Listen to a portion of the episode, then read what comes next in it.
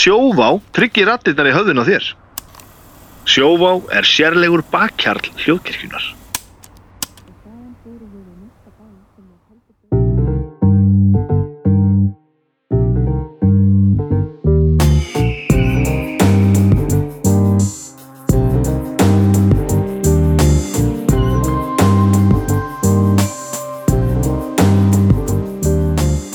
Komið í sæl og verið velkomin í bestu plötuna. Ég heiti Baldur Ragnarsson. Ég er upptökustjóri bestu plötunar. Ég í ítáð rauða takkan og við erum hérna inn í þessu, þessum, eh, þessu hljóðveri, hljóðkirkjunar. Það sem að er gott að vera eða, eða hvað? Er ekki fínt að vera eða? Mér finnst frábært að vera hérna. Já. Þið sitt í rauðu leðri uh, og nú er að reyndar að verða svo heitt hérna inni að, að þetta er að verða rautt leður og rautt leður um, en við höfum bara gaman að því. Um, Hjá mér eru tveir eh, gestir, mitt já, já, blessaðir. Uh, annars er doktor Arnar Egert. Hann, hann er hérna doktor í uh, já, já. rétt var það. Uh, Ótrúlega gaman að segja þig. Sumleðis. Klári, þetta verkefni? Já. Já, Já, ég er pínu stressaður en ég er, ég er, eh, ég er hérna, já, ok, þetta ljómar mjög, Já, þetta var bara virkilega tröst já, það ekki, þetta er nú vita, ég Vita er og hérna- algjörlega klár í slæðin eins og fólk heyrir. Ég ætla að múna að opnir allar annir svona. Þannig að maður fái svona þetta tröst sem maður þarf í Já, gegnum. svo nefndunir geti mann alveg öruglega ekki á staðnum, sko. Nei, ef að þú hefði byrjað einhverja einhver tíma svona en ég væri mættur hérna í þá hefði ég getið allt konserta mitt bara Nei, ég hef ekki gert það, það er ekki góð mynd Hæja ykkur, Halló, hvað er títt? bara ágætt. Búin að fara til Egyptaland? uh, Ekki enn. Ah, ok, það er nú bara liðin vika. Já, já, Gaman að sjá þig, aftur. Sömuleiðis. Eh, herri, áður en við byrjum þá mig til að hérna, minnast á uh, það að uh, dagskrá hljóðkirkjuna er nú svolítið langt síðan við minnst á hana. Já. það er alls konar að gera þar, gerist þar segi ég. já, já. Það, og nýjasta viðbót fyrir hljóðkirkjuna. Brestur það eru uh, tvær, Dísa og Birna eru byrjaðar með, uh, búnur að vera með hlaðvarpi Brestur sem eru, það eru báðar kollegar mínir, ADHD kollegar, greindar á gammalsaldri Mm. og þær eru svona að fara í gegnum allt saman. Uh, og þær eru ógeðslega skemmtilegar. Þannig að ég mæli með því að allir fara að tekka á bresti. Svo er nei hættu nú alveg. Uh, það er Vili Nærkvítur og Anna Svafa og, og, og Viki hérna á föstu dögum alltaf með nei hættu nú alveg spurninga þáttin eða skemmti þáttin þetta er nú svona það er svona algjör já, það er alveg happa glappa hvort það komist einhver spurningar að. Þetta er aðra bara að hafa næs fá gesti, hafa gaman. Eh, Svörtu tungurnar, það er nú spunarspilslaðvarp sem að Bubbi bróðir hlóði á samt spila við eh, vinnum sínum sem margir hverjir eru leikarar og allir með einhverja leikustengingu það sem eru að tala um já, svona sverði eða byssur var til þeim sett þátturinn það sem að, þú veist, ertu fantasíu megin eða ertu hinum megin og ég til þeim spilaði gamla dag og hérna, mér finnst ægilega gaman að hlusta á það þó að ég sé ekkert í þessu í dag. Svo er það narristan líka að Jóngnar að taka viðtöl ég, honum, ég er hún svona hérna, hjálpar hella meðaldra manna sem myndu kannski ekki klára pródusyninguna sjálfur, þannig að ég er honum til hals og tröst þarna í þessu ás og sama með hann flosa minn í draugum fortíðar. Og það, þetta finnið allt saman inn á hérna öllum betri veitum. Uh, og uh, vonandi, ég er að gleyma, er ég að gleyma einhverju, eða ekki? Sen er þessi þáttur. Besta platan alltaf, við vitið það. Já, þá held ég að þetta sé nú komið í billi Svo eru bara gömlu þættirnir e, sem er til líka snæpist tala við fólk og alveg dagsatt og kokkaflakk og, og dómstafur, haukur það er nú alltaf verið að byrja okkur um að byrja það aftur. Já, já, Já, pressa. Já, ég vildi bara koma aðeins inn á þetta. Ma- ma- maður er nú svo lattur, maður gerir þetta aldrei lengur. En þegar það er frá þá þurfum við að fara um tónlist. Eða þið þurfum að fara um tónlist því ég hef aldrei vitað eins lítið þegar þáttur er að byrja. Nei, mér líður sannig núna. Ég fekk hljóðbrot hérna rétt fyrir þáttin endar einhvern tímann og um daginn bara á fyrstu sekundurum þá vissi ég náttúrulega sirka hvenar þetta var og hvar þetta var. Já, en það er bara endir. Ég er ekki búin að fletta því upp en ég gefi mér að þetta sé á því sveiði þar sem hún var illt í maðanum og, og svo höfuðlaus. Nei, ekki alveg. Nú, ekki alveg en samt, já. Ok, já, er Það eru, það eru tengingar. Alveg það og, það hlautur að vera og ég meina ef, ef, ef hól, þú þekki það svo sitt já, jú, jú. þá ertu komin ansi nálægt þessu sko. Já, ok, ok, ansi nálægt þessu, ok, ok. Svo það sé nú bara sagt. Já, já, já, já, já, ég var eru tengingar líka. aðeins á villigutum þannig að hérna ok, Við erum Já, alltaf, við erum alltaf ég meira- hjakkast eitthvað í minni sóta. Var ég meira að skýta út að skýta einhvern veginn um daginn, sagður Mm. Það var, að, mér finnst ekkit rosalega margir þættir síðan þú vissir ekkert. Nei, það ég man ekki hvað er. Já, en ég held þessi rétt verið Nei, þetta verður lítið mál, ég er hérna fullu bjarsinni Babes in Toyland, Babes in Toyland Babes in Toyland hver valdi þetta? Sko, ég valdi þetta, en þetta, við erum báðir búin að vera svona tísa hvern annan með þessu, sko. Við, þetta er svona hljómsveit sem er ekki, uh, hún er ekki á allra vörum alltaf, skulum við segja. En Næ, við komum stað í á einhverju tíapunkti að við fíluðum báðir þessa sveit. Gott ef ég komst ekki bara því þegar að ég sótti Arnar eitthvað tíman og hann skartaði forláta Babes in Toyland téból já, Já, ok. Og hérna við bara, þetta er bara svona eitt af þessum böndum sem okkur langaði að koma að sko. Ok, ok, og ég fór á Union tónleikana með þeim 2015 í Glasgow. Þar kefti ég bólinn ok. Og er einmitt að spranga um í honum. Þetta er mjög flottu bólur í Glasgow var sem sagt bara túr? Já, það, það var það- þær komur saman aftur 2015 og, og smeltu í túr. Og hérna ok, og þá segir Haukur, ég sá bara hvernig hann sagði þetta. Já, hei, Babes in Toyland, geðu þetta band. Ok. Og síðan leiti ég alltaf á þennan þátt sem að því að Haukur er búin að vera pínu leiður yfir því að hafa ekki geta talað um hól. Já, já, þannig að þetta er svona sáraból þetta er algjörlega það. Ég er bara átt að með á því svolítið núna líka. Já.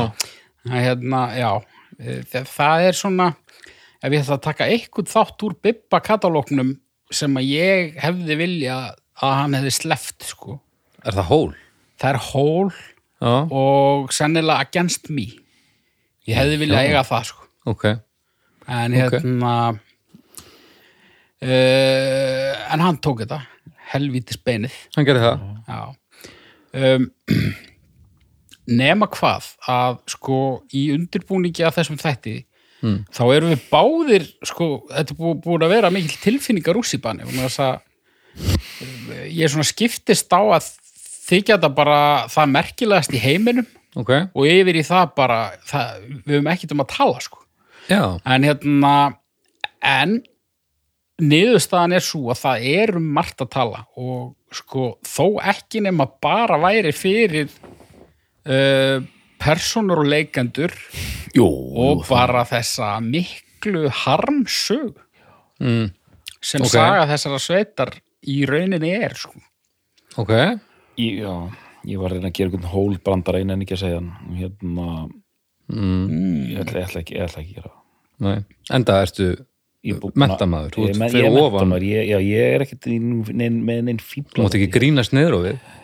Ha, það kemur ekki til greina. Þú voru að koma með þá svona gáumannagrín Já, hérna, en eins og Haukur segir, ég viðkynni það, heiðalega prógram að, að ég er bara pínu stressaður sko og ég ætla nú ekki að fara að tala um það löngum máli en ég uppgötaði það, ég ætla bara að segja þetta mjög fínlega. mér heyrst það var nú gott ef þú gera löngum máli svo verður nú eitthvað í þessum þætti Já, svo verður eitthvað í þetta.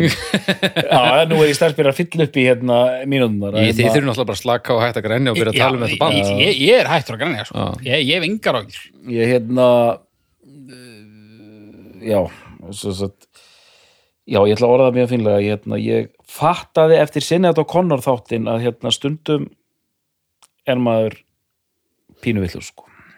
Já, pínu villus Já, eða ég skinjaði ekki og fattaði ekki að sinni þetta á Connor hvað hún væri, mjög, hvað hún væri mikilvæg fyrir fólk sem bara ákveði tákn um að rísa upp gegn feðraveldinu og einhverju svona sko. Þú fattaði það ekki? Nei, ég gæti ekki skinnið það, nægilega vel. Já Það kom, já, ok Ég, ég veit það Mér leiði þannig eins og þú verður ekki það í þættinum. Já, Já, við vorum þetta alltaf dónalegir. Já, já. Nei, nei, Ja, veist, það. þannig lag ja. Já, eh, Nei, nei, dó, ja. Við sögum bara að það vera allt úr rusl nei, þetta var bara þetta var Ég er að svolítið grínast krakkar þetta var svona svolítið já, yfirleiti já, þetta var bara þetta var, það hefði þurft að kafa dýpra sko já.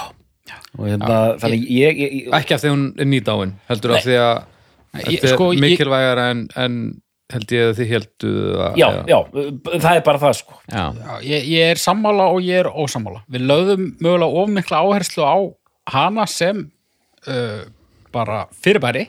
Já.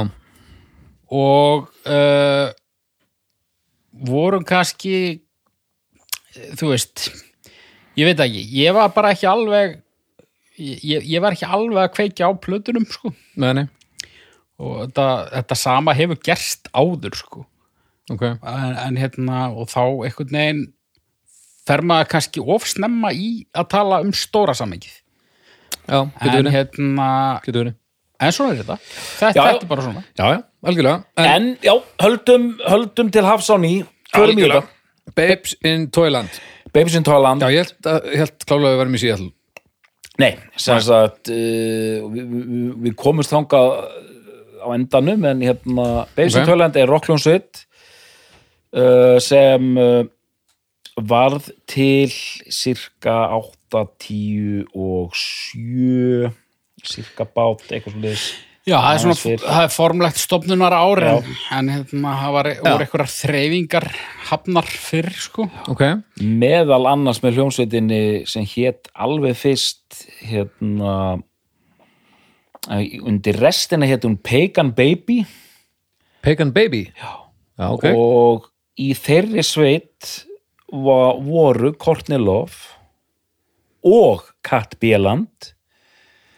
Hérna söngkona í hérna in Toyland. Já, há og sögulega séð er þetta svona svipað og að hvað? Að, sko Johnny Rotten og eh, ég veit ekki hvað, Ian Curtis í Division hefur saman hljómsveit, eitthvað svo leiðis Já, já. Kurt Cobain og Eddie Vedder. Ætti ég Þú veist, ég ég veit bara ekkert mm. Er það ekki þá skrítið? Nei, en sko, ef þú værir, Þetta er, er, er þetta hól stórt? nei, alls ekki. ja, ekki hólstórt en þetta er ekki lítið heldur Nei, en þetta er svolítið glimt. Þetta er gleymt. Það er búið að fenna svolítið yfir þetta, sko. Ok út af því að á sínum tíma þegar að þessi bylgja af uh, punk tónlist Mm. verður vinsæl og þá er ég að tala um bara eins leiðilegt og það er að draga það sérstaklega út fyrir sviga, þetta var stundum kallað kvennapunk Mm. þá voru einhvern veginn uh, punk rock hljómsveitum sem voru ímist frontaðar af konum eða alveg skipaðar af konum Mm. Þær voru einhvern veginn settar bara allar í, í sömu körfuna.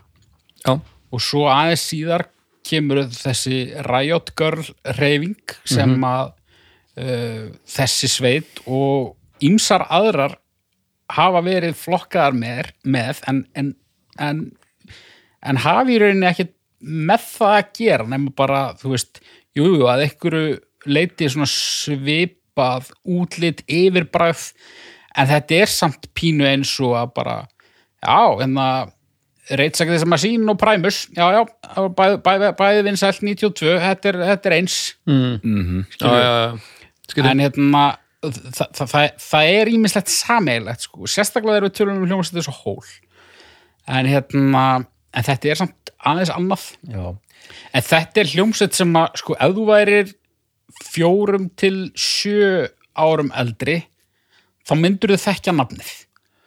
Já, ok.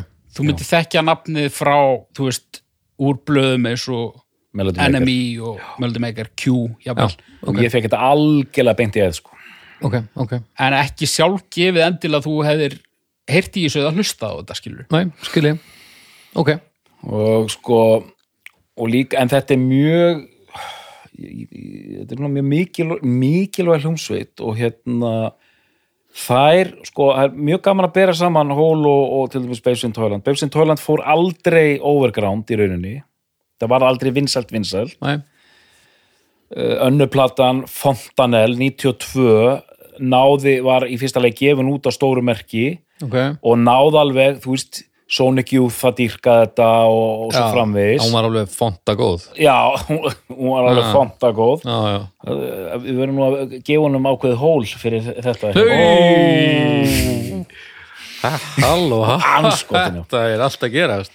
Um, Já, að þannig að þær eru alveg að fljúa í, í hérna, neðanjara pressunni og það allt sko. En hérna en Kat Bieland aðal gellan sem er alveg rosaleg sko, hún er svona Courtney Love hefur alltaf verið með svona smá Hollywood sans, skilur hún kann alveg á bransan sko. Já, en Kat Bieland, það er bara eins og hún hafi skriðið upp úr einhverju hólu sko.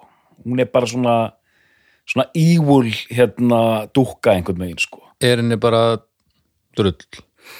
Já, og þetta alls konar vesen en það var hún, Kat Bieland sem þróaði það sem kallaði er þessi kinderhor tíska. Ó, svo slæmt nafn. já, og hérna uh, sem sagt, að vera í svona dúkkubúningi já, en í ripnum sokkabuxum og, og vera svolítið já. uh, í svona vond svona hættuleg, hryllingsmynda element sko. Prinsessu kjóll, bleach blond, blond hár, uh, tíkaspennar eða slaufa eða eitthvað, varalitur út á kinnar, ok, hermannaklossar. Já.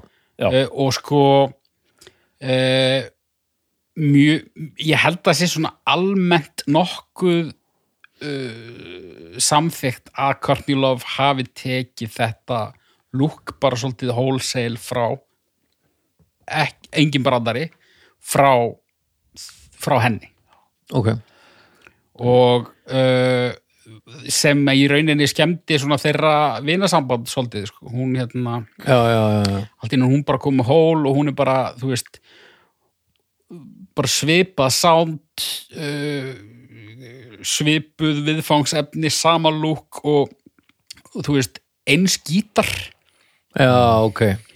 Já, já, Sé, þú fer bara í image search og hérna Babes in Toyland, þá sérðu þetta sko, þetta er alveg sláandi sko. Ok. Að hérna bara Babes in Toyland band sko. Hérna en sem sagt en út af því að Courtney Love hún er náttúrulega helviti nösk sko. Mm. þegar hún uh, tekur upp þetta væp allt saman bara nánast hérna, upp á punkt og prik Mm að þá er einhvern veginn uh, Babes in Toyland orðið bara svolítið svona æ, þetta er bara þetta er bara sama gamla, bara þú veist eitthvað eitthvað band uh, þróar eitthvað lúk og svo gerir eitthvað annað band það betur og verður vinsælt og Já. þú veist, það er pyrrandi það er pyrrandi en það er ekkert við því að gera, skilur nei, nei, nei, nei. það er öllum sama þó að Mushroom Head hafi verið stopnaður lunga undan Slipknot já, já, nákvæmlega en Skil ég. hérna hvað segir þið? sérðu myndinar já, ég er svona að að tekka á þessu en ég, ég skil hvað það er að fara sko mm og sko og hjálpaði með, með landafræðina haukur að bandið, fyrir bara í að sem sagt, Emmitt, Courtney Love og Kat Bieland eru saman í hljómsveit þarna einhvers staðar í San Francisco þarna í Kaliforníu. Pagan Baby, síðan bara flosnar það upp. Já. Bandið er síðan stoppsettirun í Minneapolis. Já, ég held hún hérna, flest búferlum þangað. -hmm. og, og þar fær hún Minneapolis, af því að sko Kat Bieland er ekki frá Minneapolis hún kemur til Minneapolis. Mm. þar finnur hún Lori Barbero trommara. Mm. og þær ráða til sín ekki Morin Hörmann heldur, hvað var nafnið? ég man ekki hvað fyrsta hétt Já, það var annar bassaleikari hann alveg upp að við Michelle eitthvað. Já, uh, Michelle Þú veist, hvað eru við með þetta? Rétti byrjun erum við með nei, það verðist ekki vera neinn skráð allavega í, í alvörinu í bandinu í former members á bassa. Jú, jú. á bassa fyrir ekki að ég var að leta á trombunum. Já, nei, á bassa var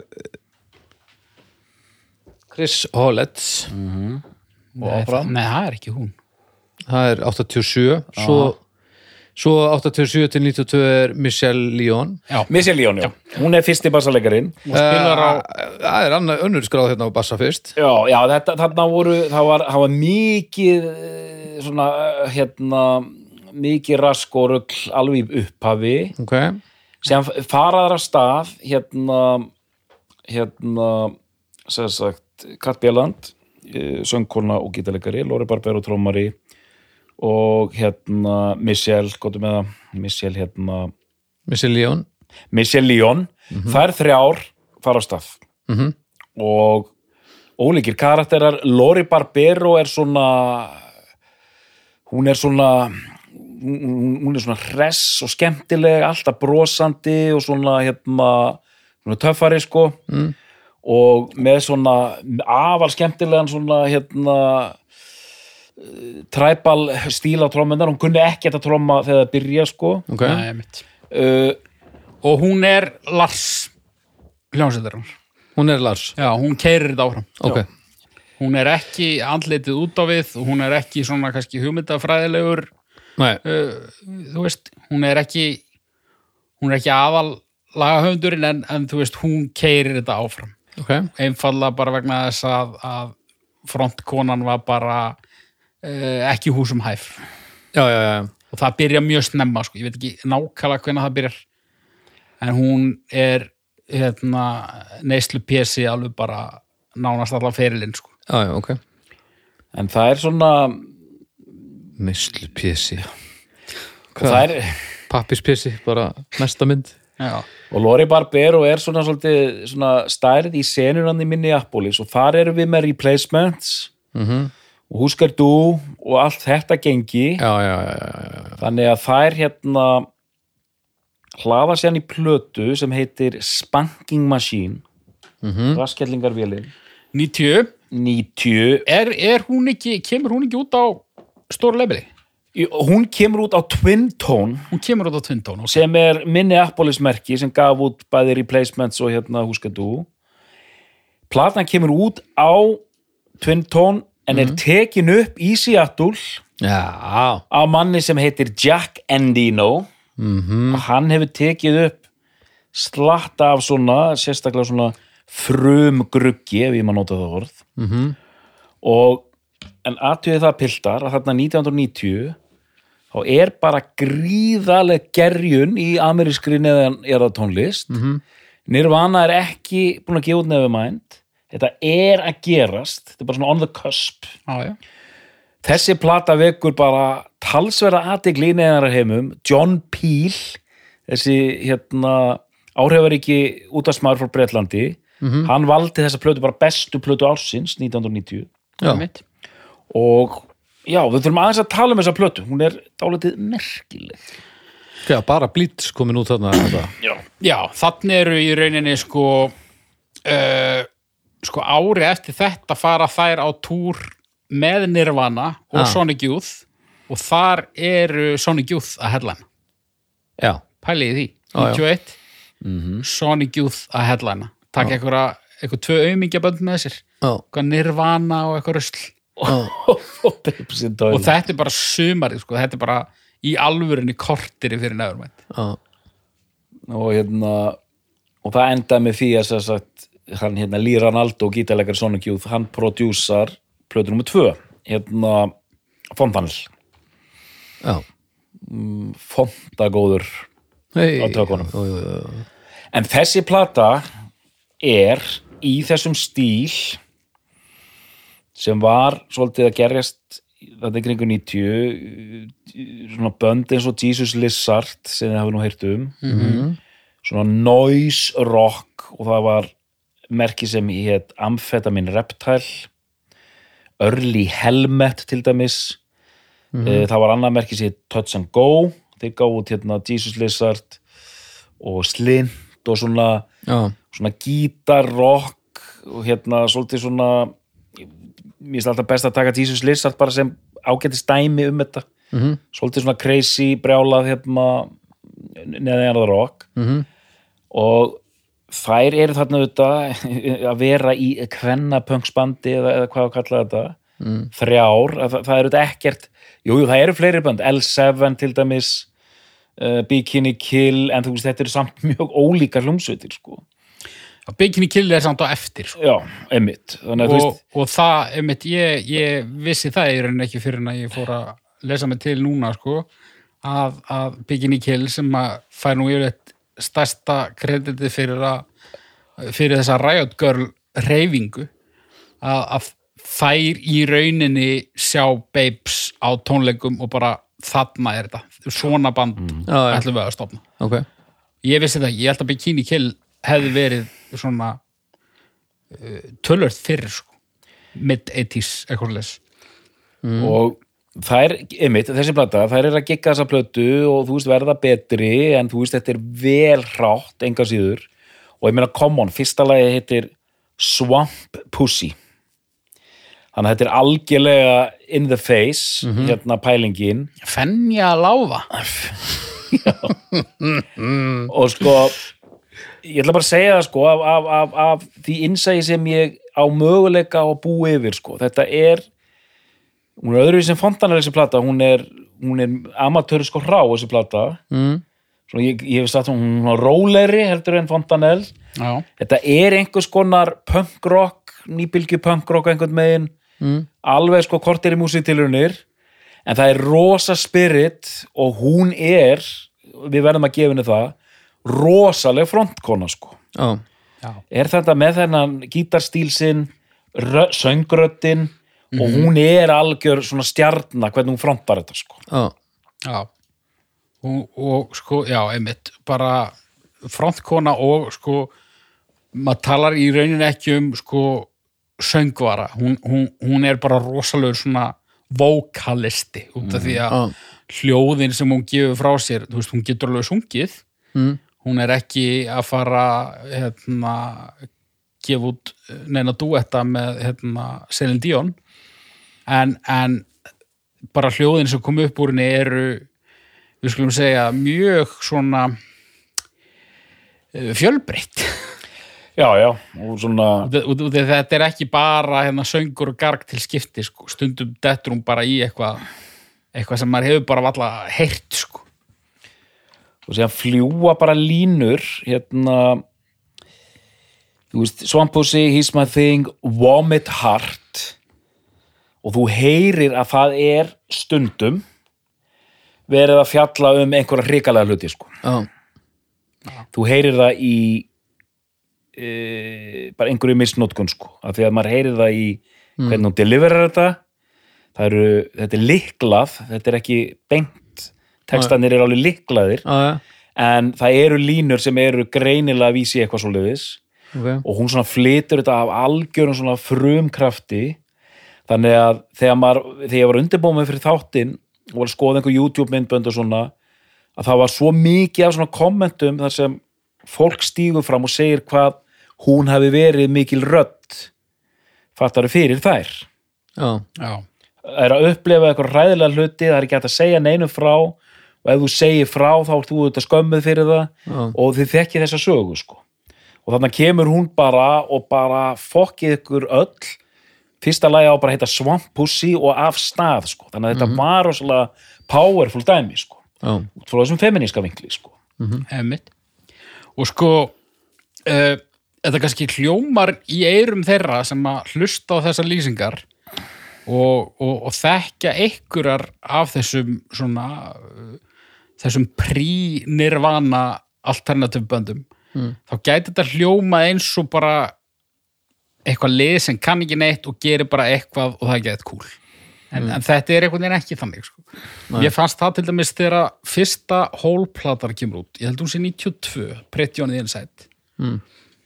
Að þá er hól pínu svona band sko. Já, en mér finnst það miklu kæruleysislegra einhvern veginn og bara í rauninni verra sko. já, bara stýttra komið já, bara svona, þú veist það er meira bara svona anything goes, eitthvað, mér finnst þetta alltaf það er þetta er útpældara einhvern veginn, þó þetta sé hrátt og, og þú veist mm. eins og Arnar var að lýsa þá er þetta ekki bara eitthvað nei, nei, nei, nei, nei, nei. það eru, þú veist fókuserið lög, þau geta verið mjög einföld og þau eru flest frekar einföld mm. en það er ekki verið bara þú veist, skrú upp í feedbacki endalaust og gera bara eitthvað eins og aðrar sveitir gerðu setna sko, stundum mm. ég veit ekki hvort það var ég veit ekki hvort það var þarna eða sko síðan kemur það He's My Thing uh, út aftur Já, á já.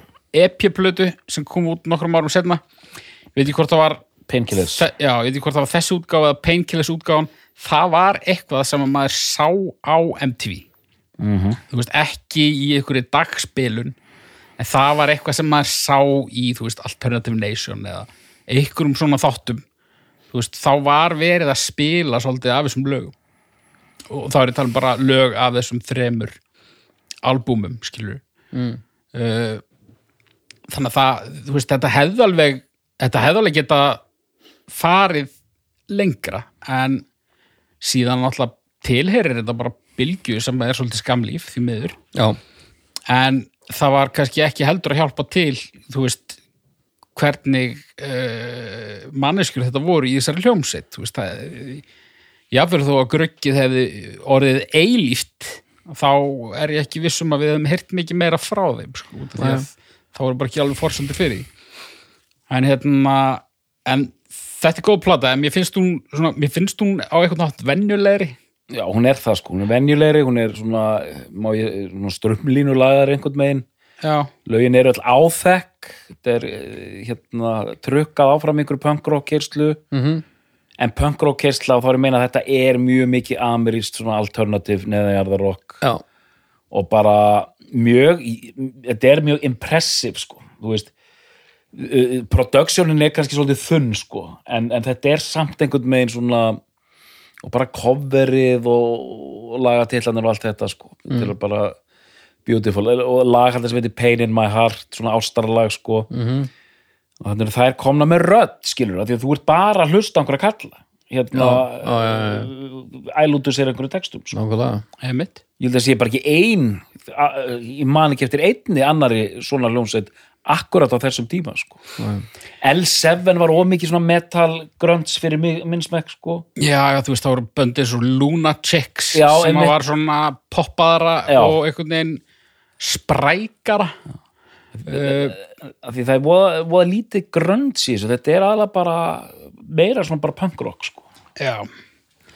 En síðan sem sagt uh, það vekja þarna strax mikla aðtikli og eflaust meiri aðtikli en ef það hefði verið kallar. Það, það er bara svolítið þannig, þetta var bara svolítið svona þetta var bara svolítið svona sérstakt. Já, nýlunda og náttúrulega þessi endalösa spurning. Já, já, hvernig, hvernig er að vera stelpa í hljómsinn? já, já, já. Þær voru ekki að fíla það. Nei. Nei, og, og þú veist, mjög fótogeniskar sko og hérna mjög töff sko en rosalegt að sjá þessar myndir þess að Lori Barbero var með svona dretta töffari sko svona framstæð á meðan sko Kat Bieland var alltaf svona einhvern megin hún er alltaf með svona ég vil helst ekki vera inn á myndinni svip sko svona dulafulla svipin sko. Einmitt. er svona að reyna að fela sig sko. Og hérna en hérna já, en, en, en sem sagt Spanking Machine kemur út áður en allt verður vittlaust á litlu leipeli Mhm. og þær fara hann á túr sem vorum að tala um. Já, Einmitt. og þær ná að gera samning eins og þú veist, eftir nirvana þá fengu allar þessar hljónstu fengu samning við stórfyrirtæki já, já, þetta er Reprise sem gefur út. Og þessi plata er bara gefin út Fontanel, Já, kemur EP-platan á undan uh, To Mother. Two Mother mm og sko þessi mynd þarna ég er punk broke sem að allir nirvana hundar á síðan tíma horfðu á á Vaffaðs þær eru í henni. Það voru nirvana, það voru Sonic Youth það var Babes in Toyland, ég held að það verið eitt lag með Babes in Toyland í myndi og það voru fleiri myndir. Og þetta var svona mynd sem að þú veist, þetta var svona mynd sem var í mikill umferð. Þannig að þú veist hvort þú fílaðir þetta band eða ekki þá, þú veist þær voru í bíðu sem Butthead skilur þeir Já. voru að hérna, Já, já, já, já. tala yfir lögin þeirra í bíðu sem Butthead skilur þannig að þetta var, það var þetta hafði alla burði til þess að verða eitthvað svona cultural uh, dæmi. Skilji. Já, já, og, og þarna 92 mitt platan kemur út uh, veist, uh, vídeóið. Þær eru bara konar í MTV Emit Rotation. Já. það gerist uh, þegar þær eru að fara að taka upp þessa plötu. Þá sem sagt uh, bassalegarinn Michelle, man ekki hvað? Leon. Hún var sem sagt kærasta manns sem hétt Joe Cole. Mhm. og hann var mjög þekktur í uh, þessari senu allri og hann var sagt sambýlingur Henry Rollins. Já, og, og Henry Rollins er sagt viðstattur þegar Joe Cole er skotin í höfuðið af bófum. Og hérna og hún hættir í hljómsveitinni bara skiljanlega. Og þú veist, þetta er Ríthöfundur í dag? Já, ok. Já er hún líka réttvöldur? Já, Já, ok, þannig að þess að sem tók við er líka Já réttvöldur hún er líka svona skrifari sko en hérna, þessi Joe Cole, þú veist, hann var e, e, þetta var bara eitthvað svona senu legend, skilur við, þú veist. Þannig að það voru allir að tilenga plötunda sínar honum og, og eitthvað og morðið er óupplýst enn þann dag í dag. Uh, en þær fá til þess við sig uh, stúlku frá Chicago sem heitir Maureen Herman sem að mitt kunni heldur ekki á bassa. Uh, bróðir hennar var bassalegari og varð fyrir því óláni að festa aðra höndina í uh, pastagerðarvél. Sem sem sagt uh, flatti höndin höndinans út. Ég veit ekki að hverju er að hlæja.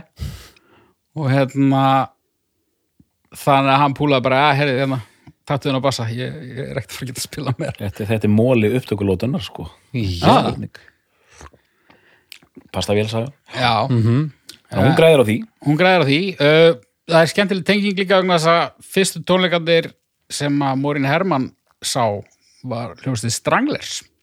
Já. Það var 1978 þar sem hún fór baksviðs og hitti Hugh Cornwell út af því að uh, bróðir bestu vinkonarnar hafði hannað eitthvað plötuumslag fyrir Stranglers og, og fleiri. Ok, og hérna og hún fekk að tromma á settið hans Jet Black og, og segir að J.J. Burnell sé hennar helsti áhrifavaldur í bassaleg. Hann að við erum þetta með tengingu við síðasta þátt krakkar. Ha. þetta er rosalegt. Þetta er rosalegt.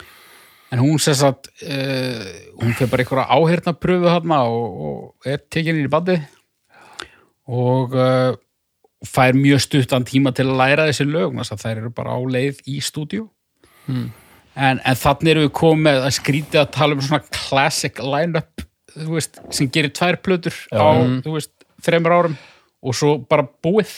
En, en þetta er allavega svona eh, þetta er það samt. Þetta er svona line-upið og, og, og svona það í viðtölum og svona, þú veist, það skín rosa mikið í gegn að það var eitthvað mjög svona djúpt tenging á milli Bjalland og, og Barbero. Mm, en Maureen Herman er svona odd woman out. Já.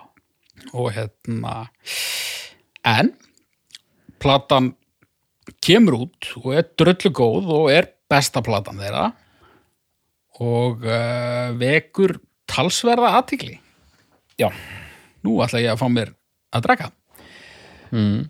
Já, já, þetta er, sko, hún kemur út 92 vekur einmitt, talsverðategli uh, og hún er svona miskunnalaus platan. Og hérna fyrsta lagið Bruce Violet í, í Bruce í, í merkingunni Mar.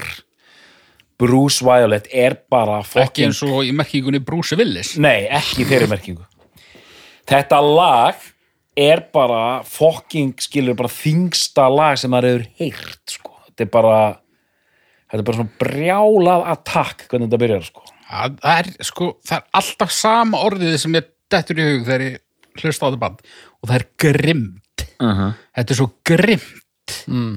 ég hef alveg heyrt þingradót og hraðaradót og meira noisidót en það er einhver helvitis grimmt þarna og kemur beint úr rótin einhvern veginn sko. já, og maður finnur það bara sko. og þetta er sko ég tala mjög oft um að eitthvað sé punkspark en, en þetta er punkspark frá sko frá þessum klumpa stífélum hennar þarna. Bara og platan er ekkit, hún er ekkit öll svona, það kom alveg róleg momentin á milli, en hún er samt svona það er einhver það er einhver grimmur töffaraskapur á henni. Og, og, og þetta er, búið, þetta er neðanjarðar senan búin að smikla sér inn í, hérna, í útvarpið og inn í MTV Já, Nirvana með hérna Smells Like Teen Spirit eh, þú veist, sem er bara svona brjálað lag og brjálað myndband og þarna koma Babes in Toyland með bara einhverja sturlun og fólk var auðvitað að dýrka þessa ímynd skilur, saklösa dúkku hérna klæðinaðurinn en bara algjör sturlun sko í, í söng og gítar. -hmm. Og soundið er þykkara og, og grimmara veist, þetta er kannski ekki stórkostlegt production en hann næri svo alveg hann eitthvað, er, þú, þú veist þetta betur nýja, það er eitthvað sem pyrra mig við productionið sko. Svo ég þykist þér einhver audio hérna gaur sko. Já, já, þú veist þetta er, þetta er til dæmis rosalega venjulegt gítarsátt uh, þú veist, trombundarsátt allir lagi, þetta, þetta er bara einhvern veginn svona þegar þetta er allt kert á sama tíma þá bara virkar þetta ágætlega sko. Og annað lag sem var líka mikið að spila Hansel and Gretel. Já, og þetta var, að ég dett inn í þetta 90, 91, 92 16, 17 og 18 ára Mhm. þetta var bara alltaf í Melody Maker sko. Það var bara að tala um Babes in Toyland Lon og Don, einhver viðtöl verið að skrifa um þessar plötur þannig að þetta var rosa áberandi band akkurat á þessum árum þegar við erum að fara yfir í þessa grugg tíma sko. Mhm. og hérna og manni fannst þetta cool, veist, ég kefti þessa plötu og þetta var einhvern megin og ekki beint sko veist, þetta er alls ekki þetta eru eh, hérna þetta, þetta er bara fucking grimt rock skilur ef, ef ég tek kynja vinkilinn bara smekklega frá í smástund sko, já, þá er þetta bara brjálaði sko, ok. Já, já. alveg, alveg sama hvaðan þetta hefur komið sko. Sko ég kem inn í þetta í rauninni setna, ég sko ég kem inn í svona ef við tölum bara um uh, þennan afkima gröksins þá, þá kem ég inn í hann frá Live Through This í rauninni. Mm uh, vinur minn úr Garðabænum hérna frá unglingsárum. Uh, Tómas nokkur Brynjólfsson. Ég veit ekki hvort hann hefur nokkuð tíma hlustað á bestu plötuna en, en hérna, ef eitthvað tíma þá ímynda ég mér að hann smetli á þennan þátt. Hann var allur í þessu sem, sem var bara kallað kvennapöng uh, og ég man að hann leiði mér að heyra til dæmis Pretty on the Inside með Hole. Ok, og mér fannst það bara leiðilegt drastl ok, en svo kemur út platan Live Through This, kemur út bara hann 94, bara umsvipað leiti og Kurt Cobain fyrirfer sér Mhm. og það er náttúrulega bara plata sem breytir svolítið þessum leik sko. Mhm. og ég bara ég bara kókglefti þá plötu við fyrstu hlustun og fer þá að bakka í eldra efni með hól og, og þessar sveitir, þú veist L7, Babes in Toilet og þú veist, hvað þessar sveitir mér sko góðar auðvitað. En hérna en Babes in Toyland sem var í rauninni svona grimmara og grófara einhvern veginn en þetta gamla hólefni aha. þá einhvern veginn greip það mig meira. Ég veit eiginlega ekki af hverju. Það var bara einhver svona X-faktor þannig að þannig ég endaði svolítið bara þarna bara live through this og upp úr með hól og svo Babes in Toyland Aha. og svo svona einhver reytingur hérðan og það en, en ég er svona sökti mér ekkert í öll þessi bönd sko. nei, nei, og maður heyrði þessu hugtaki flekt Riot Girl já, sem var þá bara tengt af fjölmiðlum við Hól og Babes in Toyland. Og svo les maður það síðar að, að, að það er í rauninni alveg aðskilið dæmi. Og það fór gríðalega mikið í töðunar á þessum sveitum að vera hérna, bendlaðar við þetta og, og maður skilur það út af því að þannig eru fjölmiðlar í rauninni bara latir og bara já, já, já, einhverja konur að að arga og garga, já, já, þetta, þetta, er allt, þetta er allt bara þetta ræjótgöl, það er flott. Og þetta er mjög sko ég bara munaði núna eins og bara fyrsta lagið hérna þessi lína You got something that makes me hot. Þetta er mjög svona karnal músík líka sko.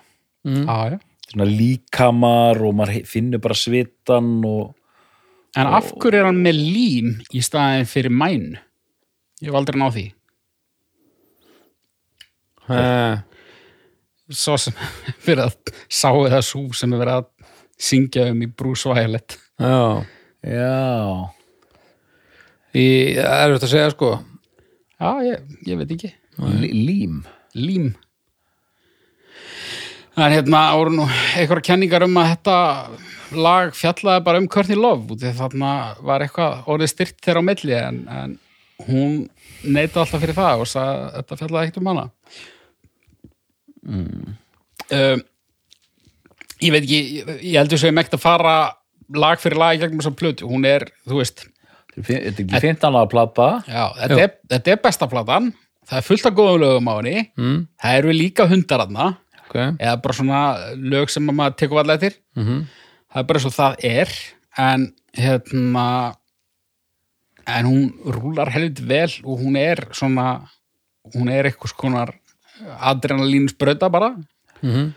uh, en í kjölfar þessar plötu þá uh, er þeir búið að taka þátt í Lollapalooza mm, tónleikaferðinni.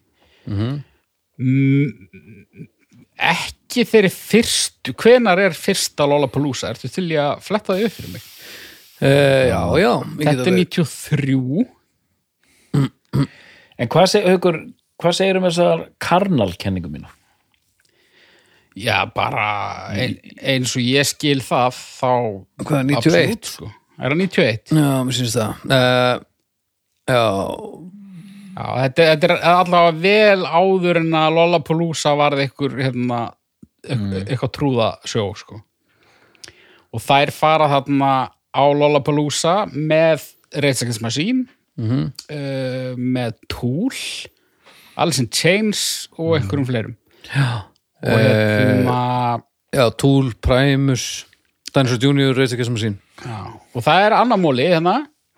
Morín Hermann, bassalegari Bebsin Töland hún þekkti fyrir bæði Tom Morello, Against the Machine og gítarlegarinn í Tool, hvað heitir hann, Alex? Nei. Alex Jones eða ekki bara?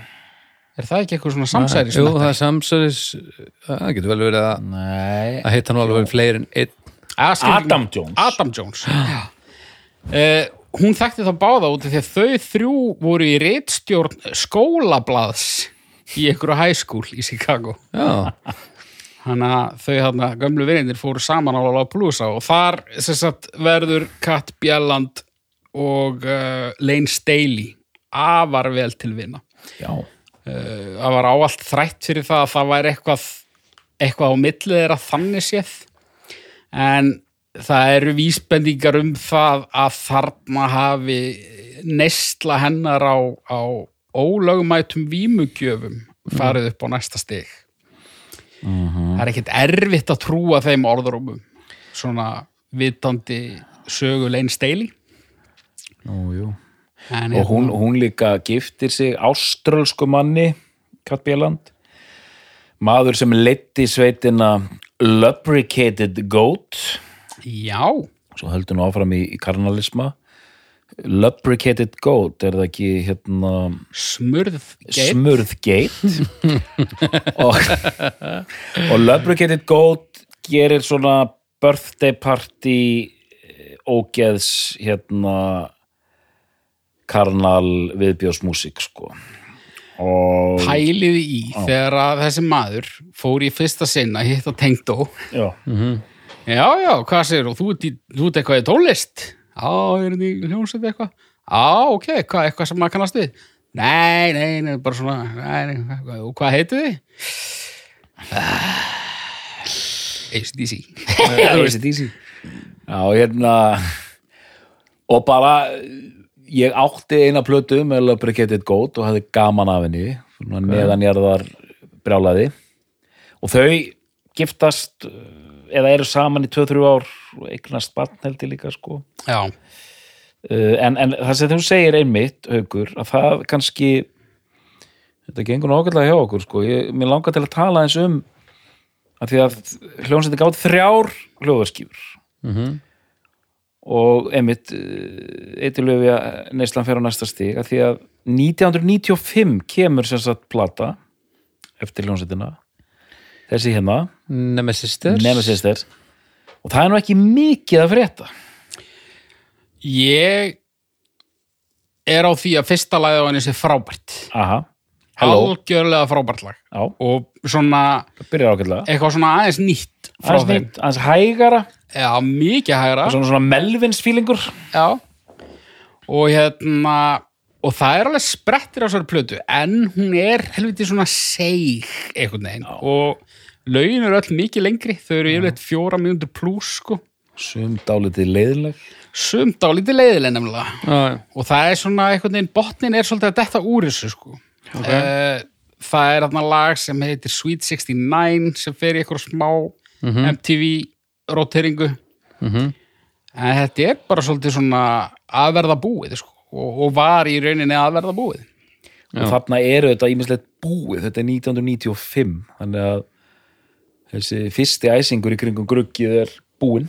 Já, og kannski ágætt að minnast á það út af því ég var nú aðeins að tala illa um hól hérna aðan, þá indislegu hljómsveit sem að uh, mér þykir afar væntum Mm. uh, mér fannst Babes alltaf meira sannfærandi svona hljómsveit heldur en hól var þarna á fyrstu plöðunni Já, en svo þegar hól gefur út Live Through This þá eru hól bara tekin fram úr öllum. Já, já, já, og Nemesis er, maður fær það pínu á tilfinninguna að það sé verið að reyna þú veist, það er ekki verið að reyna að gera sömu hluti en það er aðeins verið að reyna að svona, þú veist gera eitthvað annað. Já, þú veist ég, ég, ímynda mér alveg að einhverjum í hljómsveitinni hafi e, dottið það í huga að þetta gæti orðið eitthvað svona leifþróðisplata, þú veist, hún er hún er mýgri, hægari og poppari að einhver leiti en þetta er bara ekki sérstaklega sannfærandi þannig hljómsveit. Ég held bara að þær hafi einhvern veginn ásæri síðustu. Já, ég held bara að þeir hafi verið búnar að uh, reka sig upp undir þakkið, sko. já þetta er svona, svona slöts tónlist eiginlega sko. Já. En þú veist, sprettir og margt skemmtilegt, en, en hérna, þessi plata bætir í rauninni voða litlu við, sko. en þetta er, þetta er alveg rétt sem þú segir með fyrsta lagi, þetta er sterk byrjun sko Já. Og, og gefur svona falskar vonir um að, að þetta sé betri plata en hún er, sko. já. merkilegt sama ár og þessi plata kom út, þá kom út plata sem byrjar líka á lagi sem þetta er Hello Býtu nú við. það er hérna platan hérna What's the Story Morning Glory með Oasis Já. Kom út 95 Punktur. Byrja þá, hello. Já, lagi heitir Hello, fyrsta lagi Ég man ekki einu svona hvernig það er. mjög svona Frábær plata. Oasis-legt. En svona inngangslag svolítið. Uh, ok, þannig að þarna, sko, hljómsveitin hættir ekki alveg strax en þetta, það er verið að túra og svona, en það fer að flosna út uh, hérna undir restina var Kat Bielandórin ein var fann að ráða bara inn eitthvað lið Já. Barbero félagar hóta lögsókn og svona. Og bandið er svona lagt niður 2001 Já, og Bieland heldur nú áfram að gera músík stopnaði hljómsveit hérna eina sem hétt Krönk. Og aðra sem heitir Catastrophe Wife. Já, Sú sveit gaf út aði held tvær plötur og gott ef eiginmaður hennar var ekki með henni í, í því bandi. Ég er svona aðeins smakkaði þetta. Já, þetta var bara svona, svona já, aðeins strömlinulaður útgáfa Babe sko. Hennar lög sem svona trukkat aldrei bara í þessu í, í þessum einfaldleika sko. Já. síðan bara heldur þetta einhvern veginn áfram og, og, og þær eru bara hættar og, og engin, engin, engin mann eitt. Fanga til og ég segja þessu sögu Já, mér finnst við verða aðeins að, að fylgja eftir henni Morín Hermann og hennar hryllingssögu Já. inn í, inn í uh, nýja öld. ok, kóttu með það Hún sem sagt hættir í ljósetinni þarna miðjan tíunda áratugin og, og, og lendir í vandræðum með áfengi og, og lef. mm. Uh, ánetjast krakki ok, og bara missir allt í rauninni og hérna uh, lendir svo í hópnöðgun og uh, verður sem sagt uh, þunguð eftir það. Mm. og hún ákveður að eiga barnið. Þetta er þú veist 2002, 3, 4 eitthvað svo leis ok. Bara það sem hún er alveg á botninum mm. og sem sagt uh, og hún uh, klínar sig upp eftir þetta. Og hún er núna búin að vera edru í ykkur 16, 17, já, já, 18 ár sko. Og bara er bara nokkuð virtur skribent uh, skrifar í hinn og þessi blöð og hefur verið að skrifa ykkur bækur og eitthvað. Ok og hérna virka bara afar helsteft og töff manneskja sko. Já, já, já, en bara þú veist bara ímyndið ykkur já ímyndið ykkur bara kontrastinn, þú ert á bara þú ert bara á Lollapalooza og þú ert bara á Redding og Leeds og það er bara allt í gangi og svo ertu bara að reykja krakk eitthvað staðar og þú veist, þú er búin að skrifa ykkur bók og hún er tilbúin og þú selur tölvuna þeina og þú ert svo mikið að drífa þig að fá krakk skamtinn þinn að þú tekur engin backup þannig að þú þarf að byrja upp á nýtt og eitthvað, þú veist það er bara allt svona sko. en, hérna, og ótrúlegt einhvern veginn að ná vopnum sínum aftur og vera bara, þú veist hún virka bara eins og bara mjög hún er bara mjög settleg hún var sko 60 kona í dag sko. hún var á Manhattan 11. september já, og þar fekk hún post-traumatic stress disorder og krakki kom í, í kjör, kjölfarið í, í Nashville. Já, já. Þannig að þetta er bara allt í skrúinu þannig framan af. Mm. tjöfulega vel gert að snúa þessu við maður. Já, já, já, já, þetta er það er rosalegt. Já, já, hún er svona hún er, hún er mjög proper sko, og hérna, ég er með mitt söga því á eftir sko, hérna og hún er með þarna í þessu þessari endurkomu, Þa, það, það er í rauninni þarna allar þrjár til að byrja með Hvað, hvað segir þú, Dóttor? Þú varst að fara að segja Já, ég ætla, að, ég ætla að leiða þetta. Þetta var mjög gott haugur þessar upplýsingar. Og hérna og við leiðum okkur að því að sem sagt, Morin Hermann búin að stilla sig af og er, er, að, fara, að gera góða hluti. Mhm. og er svona leigupenni og er að skrifa og vin, byrja að vinna við einhver upp og hérna búa til þetta og búa til hitt. Og kynnist svona Google Kísildals gaurum einhverju þrýr náungar sem eru hip og cool Mm. og nóa seðlum Ok. og þeir segja við hana, Morin Hermann heyrðu við dýrkum Babes in Toyland þetta var bara viðbjóðslega cool band og ef bara nuts nuts, ef þið viljið einhvern tíma koma saman aftur og spila þá skulum við greiða götu ykkur og hún bara eitthvað svona, já, já, whatever sko. og hefum að og þeir halda svona áfram og er bara svolítið að pússa á hana sko, hei, þú veist, hvað með bandið? Akkur, við erum með peningana þú veist, þetta er ekki á neinar ágjur akkur ekki að prófa þetta?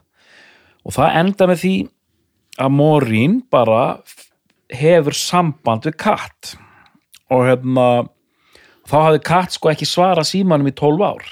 Nei, nei, búin að vera sjálf bara bara utan þjónustu Já. sökum lífverðnis Já, bara er þarna einhvers stað bara í Minneapolis og hún nær einhvern minn í gegn og nær svona aðeins að æsa Kat upp. Þær tala líka við Lori Barbero og þær bara ákvaða að hittast. Og hérna gott að þær fóru ekki síðan til LA tók okkur fundið þar spiluðu fyrsta endurkomu gigið á einhverjum litlum stað þar og þar sem þessir sugar daddies voru in attendance. Og það er bara ákvað að hlaða í endurkomu túr og það eru öll blöð ræst út og það koma greinar í Guardian og BBC og hérna bla bla bla Babes in Toyland þetta og Babes in Toyland hitt. Og það eru bara töff þú veist, bara hún en dökkærð, komin í klossana og, og bara let's do this og hérna taka meðal annars Evróputúr og ég sá þær spila í Glasgow og það, það var geggjað. Af því að það var kraftur en með svona sagt aldur, aldurinn gerði þetta eiginlega ennþá betra sko. Það var, var svona lifaður kraftur í þessu sko. Einmitt. Og bara, ég var bara, wow og hérna, og þá eru þær þrjárhafna en, og ég var að lesa viðtölu kringum þetta og, og það sem Kat segir, ég elska þær svo mikið og svo gaman að komin saman aftur la, la, la. en hérna, Adam var nú ekki lengi í paradís og hérna og hún er rekin úr bandinu, hún morin okkar bara hálfu ári síðar sko. Já, út af einhverju bulli bara sko. Já ég, ég kann þá sögu en hún er, hún Hún er löng. flókin, Já. löng og leiðin að En, hún, stu, en stutumáli uh, hún á að hafa sagt eitthvað við einhvern sem þekkti Lori Barbero uh, og uh, veist, út af einhverju grein sem hún hafi skrifað.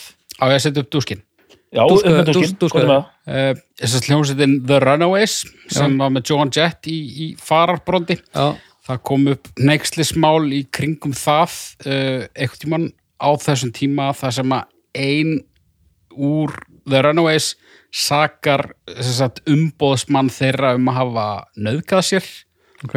fyrir framann hópa fólki meðal annars uh, Joan Jett Já, og þá voru allir bara fullir og dópaðir og enginn gerir neitt til að hjálpinni og hún er þá orðin bladakona, Morín Hermann og hún skrifar eitthvað greinar um þetta og er að taka viðtöl við hana og, og eitthvað slíkt. Uh, á sama tíma er Lori Barbero að pródúsera eitthvað band á einhverju leipili sem að Joan Jett átti og, og þetta fór eitthvað fyrir brjóstið á henni að hún væri að hérna, taka þátt í því að ræja Joan Jett sem að hún var að pródúsera plötu fyrir. Það var eitthvað þannig. Já, þannig að Morin Hermann bara rekin. Já.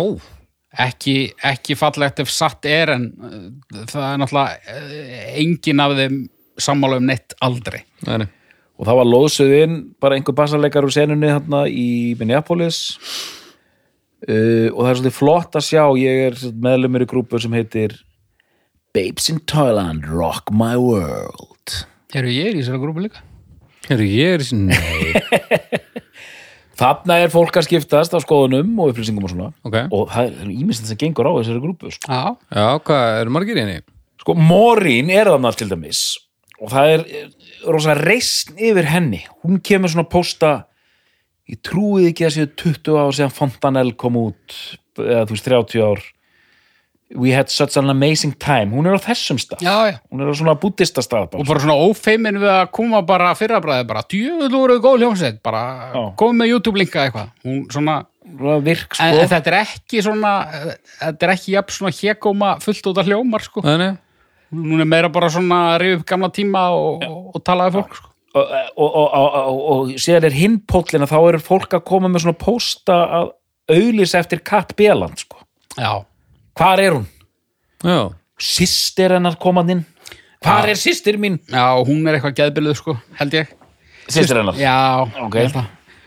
og hérna það var fyrir tveimur árum held ég þá var verið að tala um að hún væri með sko fjórðastiks livrarbilun Katt sem uh, sagt já Courtney Love postaði eitthvað um að það væri verið að fara að setja hann á eitthvað mér langar að segja elli heimili en það gengur eiginlega ekki upp.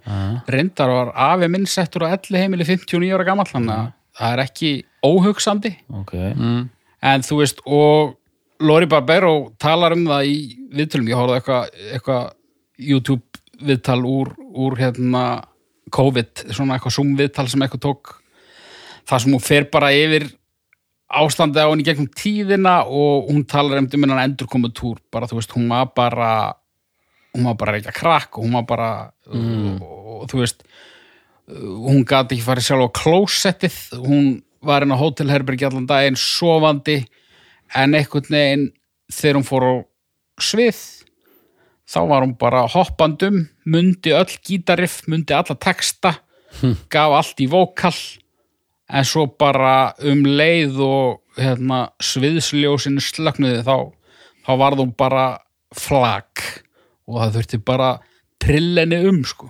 Mm. þannig að þetta er bara staðan sko.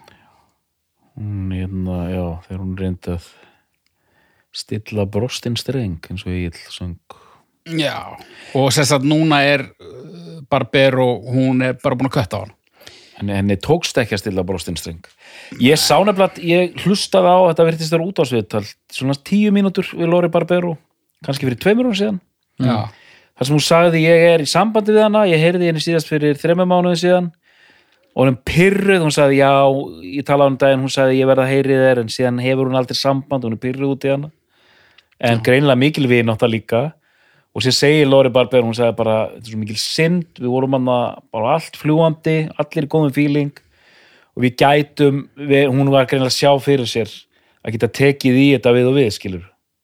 Eins og margar svona hljónsætti gera það er bara hendi í dúrin á tvekja þryggjara fresti sko. já, Já, ég hef hlust á aðeins yngra viðtal út í að þar segir hún bara við munum aldrei, þú veist, hún, hún er ekki fær um að koma fram aftur, við munum aldrei koma fram aftur. Það mun aldrei gerast. Ég er búin að reyna allt í, þú veist, áratugi og bara, ég get ekki reynd meir og þetta er bara, þú veist nú er ég bara að hérna, hugsa um mig. já basically það sem hún segir, sko.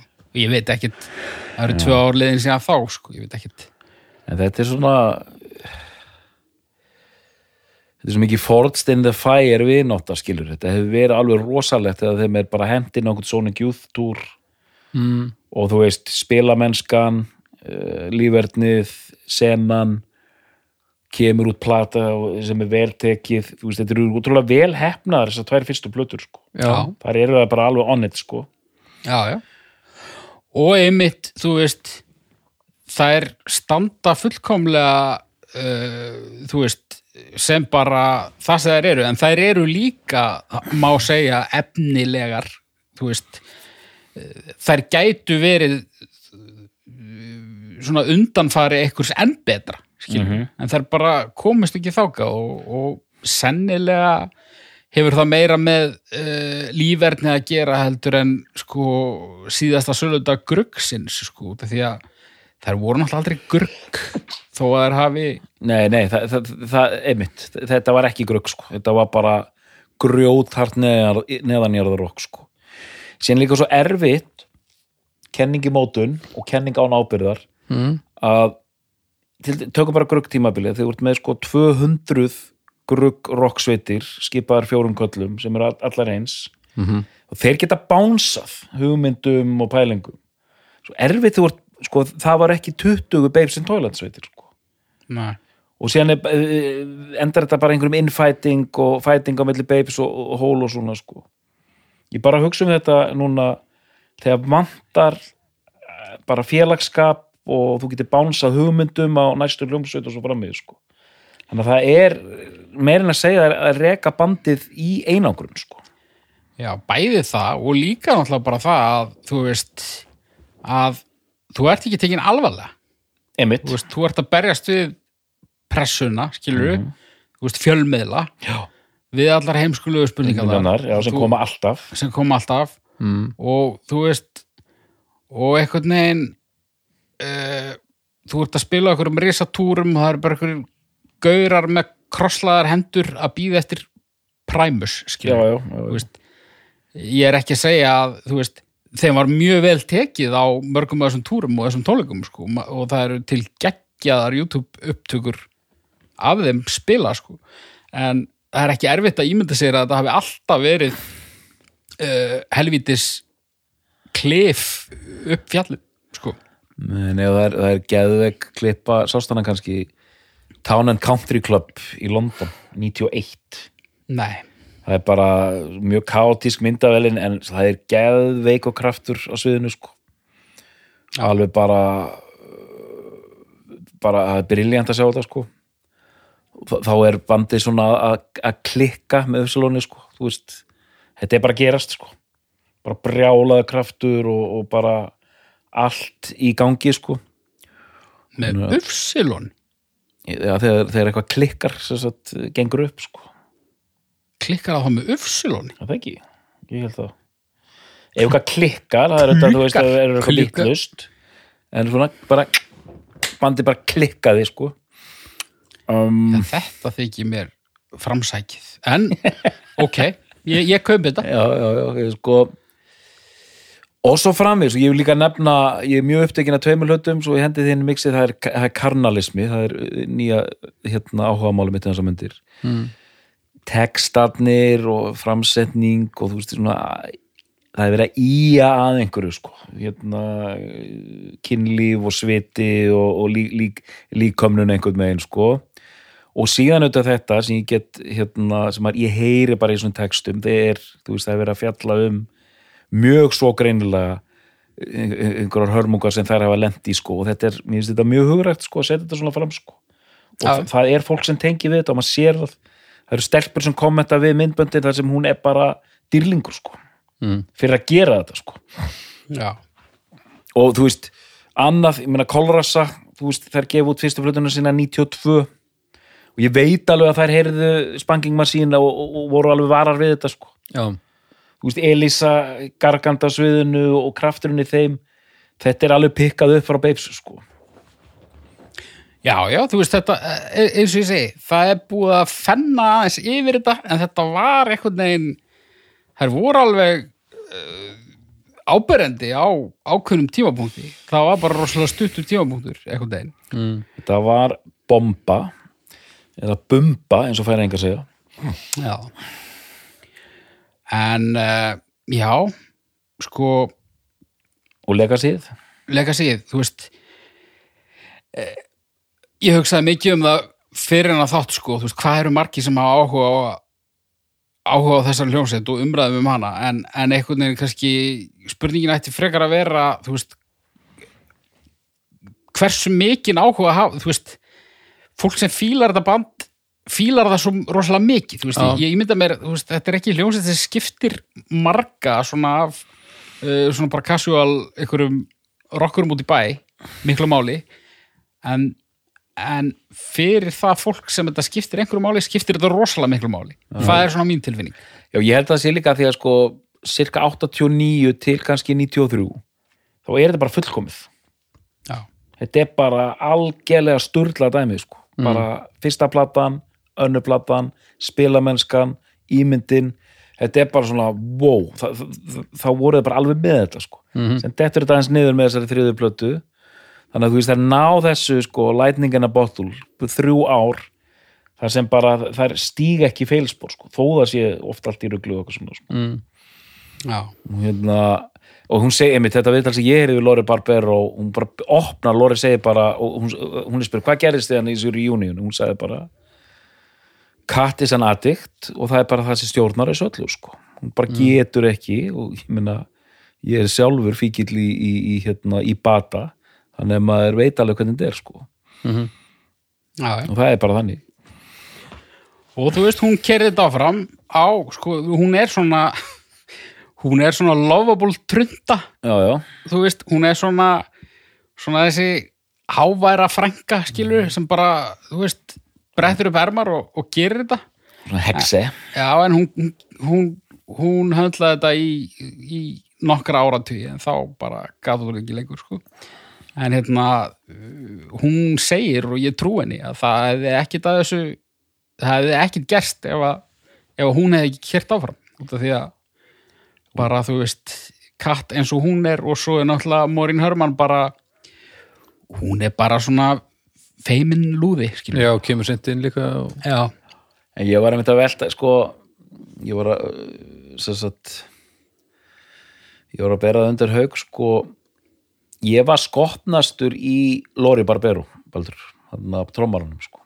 Já, Mér fannst hún, hún var með svona, hún var svona, það var, var eitthvað við hana, út geislunin, sko. Ég var pínu rættur við katt, sko, og svona ekki alveg minn típa, sko. mm.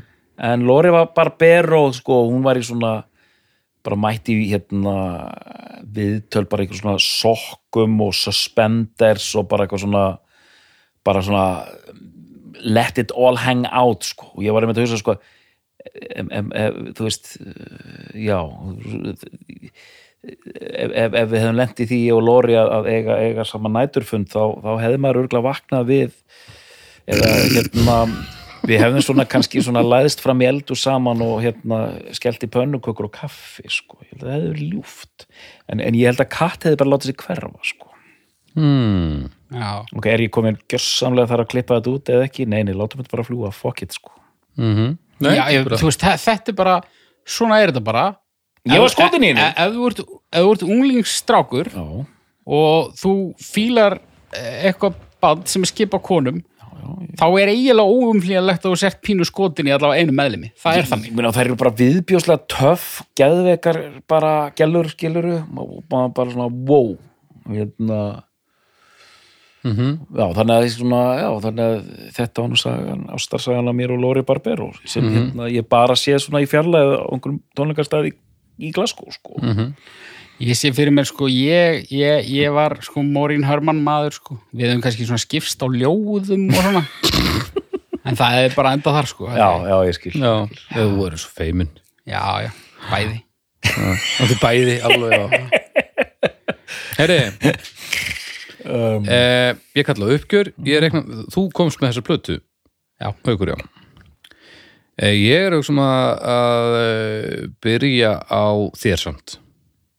Mér? Já, Já, sko, ég, ég er alveg búin að klára mig, sko. Þetta er bara, þetta er, þetta er hljósett sem hefur komið gríðalega oft til tals hjá okkur Arnari að taka. Já, og einhvern veginn hef oft verið bara að verið að hlusta á þetta og bara að verðum að tala um þetta. Og þá einhvern veginn hefur dagskráðin bara verið ákveðin, sko. Og núna fór ég inn í þetta svona, núna bara kom að þessu. Þetta var bara röðin kom að þessu í XS-skjálinu mm. og ég var svona, já, ég, ég er greinlega ekki alltaf í stuði fyrir Babes in Toyland þannig að ég byrjaði að hlusta og mér langaði bara að halda fram að hlusta á Strangler sko, en það var það helviti það var heldur mikið hlust þar sko Mm. en svo kom þetta sko þú veist, þegar að þú ert þegar þú ert með þetta í headphoneunum og Já, já, veist, já. setur þessa plötu í gang Mhm. og ert ekkert að gera eitthvað annað á meðan þá er hún bara ómótstæðileg sko. og hérna uh, mig myndi að senasta platan væri betri en hún er ekkert sérstök en uh, mikið væntum þess að hljómsveit mikið gríðalega leiðilegt hvernig þetta endaði og það er ekki útlitt fyrir að það snúist eitthvað á gæfur hliðina Mm. en ef að fólk hefur minnsta áhuga á þessum tíma eða svona hljómsveitum eða þessari fagurfræði eða hvað við þetta sem heilar fólk þá bara myndi ég mæla með því að fólk tekka á þessari hljómsveit. Því að þeirra hlutverk í þessu öllu er sjaldnar rifjaður upp en hlutur margra annara Já Mjög gott Doktor? Já, ég, það er lítið við þetta bæta sko, bara mjög gaman að taka þetta fyrir uh, einhvern veginn ég langaði mjög mikið til að gera þetta ég hef einmitt alltaf verið hrifin af þessu bandi og hérna finnst þetta bara aðeinslegt og hérna Fontanel svona alveg brjáluð plata sem ég múin að fíla bara alla tíð Mm -hmm. og gott að geta hugsað um þetta hér í beinni útsendingu og pæla þetta út einhvern megin og, og, og, pæla þetta út frá svona einhverjum, feminískum vinglum og, bara staða bandsins. Og hérna en ég bara vil taka undir að og, hérna það sem Haukur var að segja hérna áhuga fólk um þessa late 80s amerísku neðan rock ætti að tjekka á þessu sko, þetta er geggjuð músík sko. Takk fyrir mig Þannig að Haukur Er þetta besta plata Babes in Toyland? Já, Doktor Er þetta besta plata Babes in Toyland? Já, Við þakkum fyrir í dag og við heyrumst að viku liðinni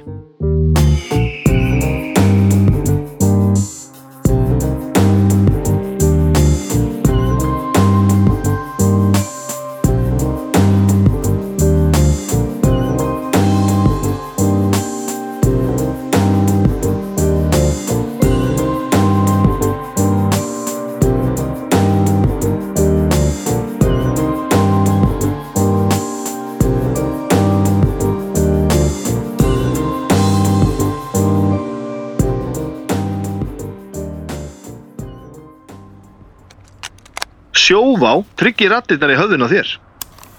Sjóvá er sérlegur bakkjarl hljóðkirkjunar.